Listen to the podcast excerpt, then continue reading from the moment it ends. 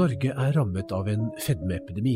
Dårlig diett og lite aktivitet har ført til at én million, hver fjerde nordmann, har fedme. Dette er en kronisk sykdom som har store psykiske og fysiske konsekvenser for svært mange. Fedme defineres som en kroppsmasseindeks kalt BMI på mer enn 30. Overlege Eli Heggen behandler mange pasienter med fedme. Hun sier at fedme vil utgjøre en av de aller største helseutfordringene i Norge de kommende årene, og at sykdommen gir alvorlige psykiske og fysiske konsekvenser for pasientene. Fedme er en sykdom, kaller jeg det, sier vi, mm. som har mange sider. Eh, eh, ikke minst psykiske.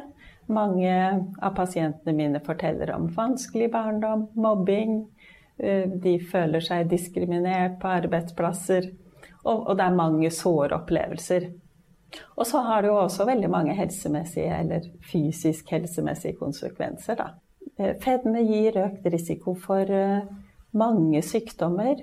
Vi ser jo aller mest diabetes og hjerte-karsykdom. Søvnapné, pustestopp om natten, er en vanlig lidelse. Eh, mange har eh, menstruasjonsforstyrrelser, problemer med å bli gravide. Mange har eh, artroser, slitasjegikt i hofter og knær. Så det, vet vi jo at flere har depresjon og psykiske problemer. Veldig mange av pasientene mine er lei seg. De sier at de er deprimert. De føler at de blir diskriminert, og er, de er såre på mange måter. Mm. Mm. Eli Heggen forteller at hun har fedmepasienter i alle aldre. De fleste er middelaldrende, men mange av pasientene er ungdommer som har fedme og utviklet diabetes type 2, det man tidligere kalte for aldersdiabetes.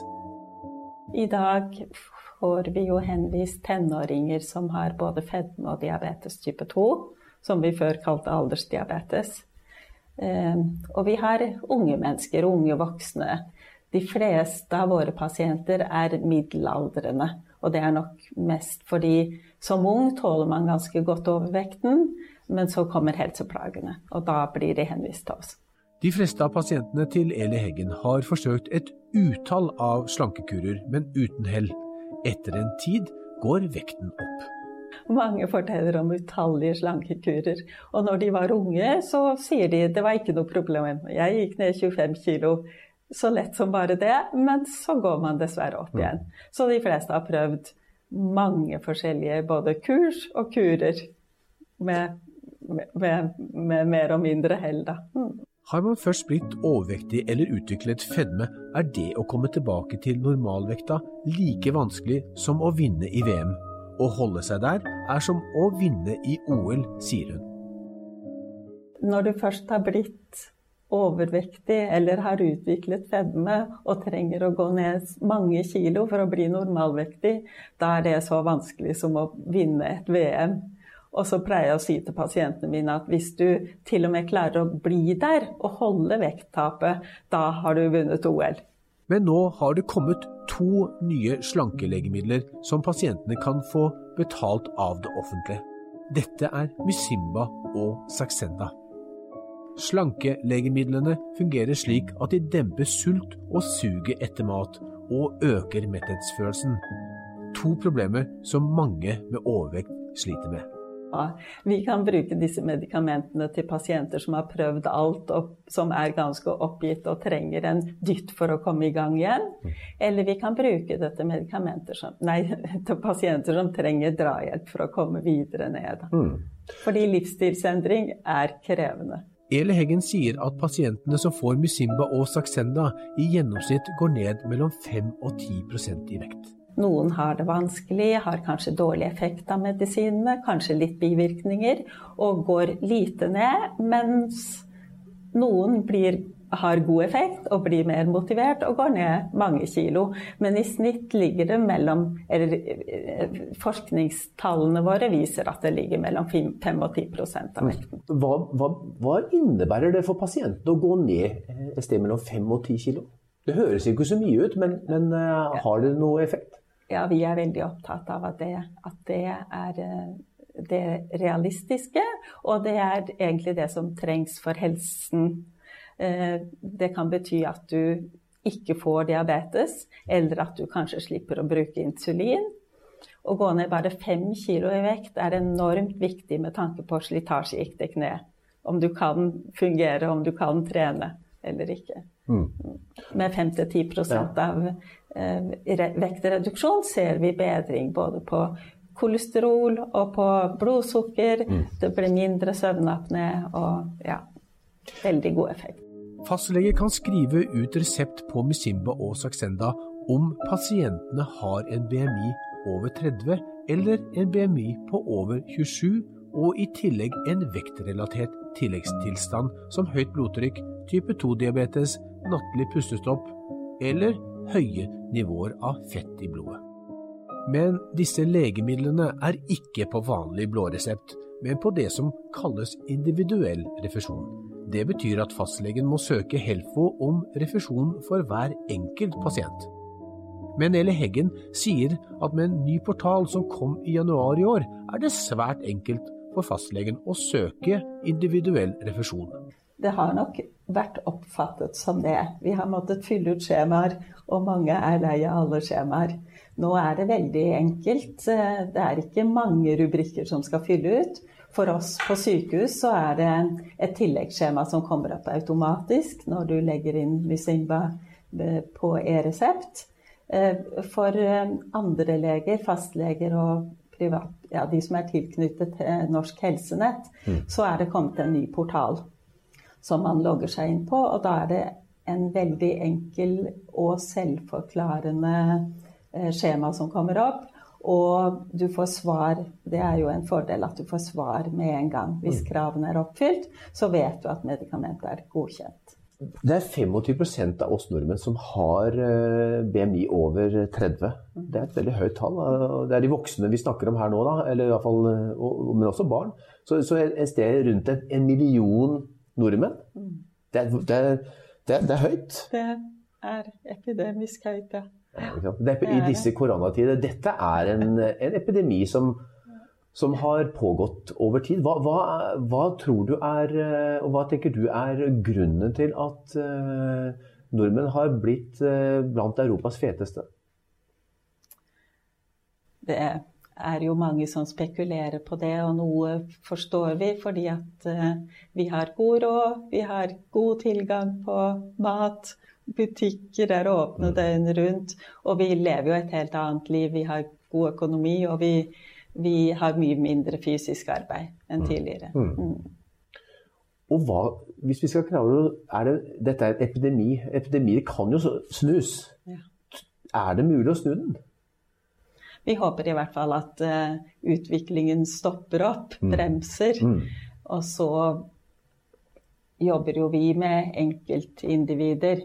Men det er klart at uh, hvis man skal løse dette problemet, så må det jo skje noe samfunnsmessige grep. Mm. At eh, folk må bli mer aktive.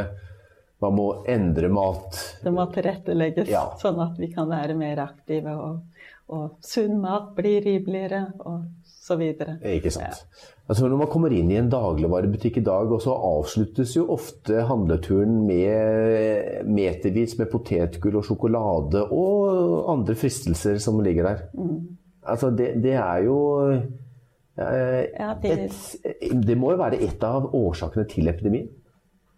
Det er klart at uh, dette med butikkplassering er jo en egen Hva heter det?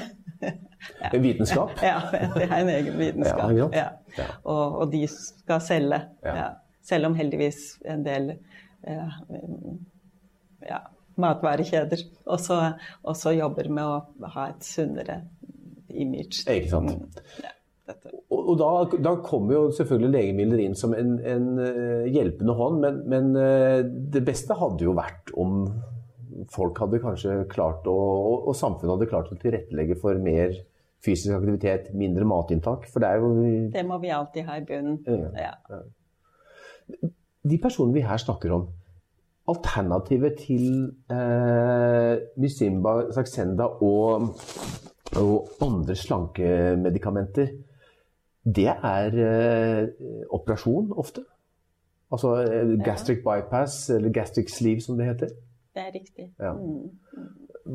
Det er, det er ganske kraftige inngrep som, som har også mange sideeffekter. Ja, det har det. Så derfor eh, er det jo viktig at det er siste utvei.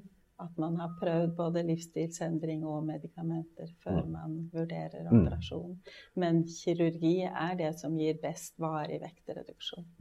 Men du tenker at man først starter man med, eh, med å endre livsstil? Kosthold og Kost og livsstil. Mm. Så kan man eventuelt gå over på, hvis ikke det skulle virke, så kan man gå inn på, på disse eh, slankemedisinene. Mm. Og hvis ikke det igjen skulle virke, så er siste mm, mulighet, det er operasjon. For de fleste er det sånn. Ja. Mm. Ganske dramatisk. Ja. Det er det. Hvis du kunne ønske deg noe, og hvordan du kunne liksom forandre samfunnet, eller hvordan du kunne gjøre noen dramatiske grep hvis du var statsminister for en dag, hva ville du gjort for den millionen eh, av nordmenn som har eh, utviklet fedme? Jeg skulle i hvert fall ønske at alle kunne se på fedme med andre øyne, da. Og ikke å se på det mer som en sykdom, og ikke tenke at eh, det er jo bare å ta seg sammen, eller bare å spise litt mindre og bare å trene mer. Eh, og ha litt mer i- innsikt i hvor vanskelig dette her egentlig er, medisinsk og fysiologisk. Hvor vanskelig det er å gå ned i vekt, som vi snakket om når du først har gått opp. Så jeg skulle vel ønske at vi kunne satse mer på barn og unge for å forebygge vektøkning. Og så er jeg jo veldig glad for at vi nå får mulighet til å søke disse medisinene på blå resept, og skulle vel egentlig ønske at de kom på vanlig blå resept. Generell refusjon etter hvert. Mm. Men i alle fall, jeg håper at eh, de som er berørt av dette, både leger eh, og pasientene, så lytter til dette og, og, og, og vet iallfall at de har fått et verktøy til i verktøykassa si. Ja. Det er bra. Det er viktig.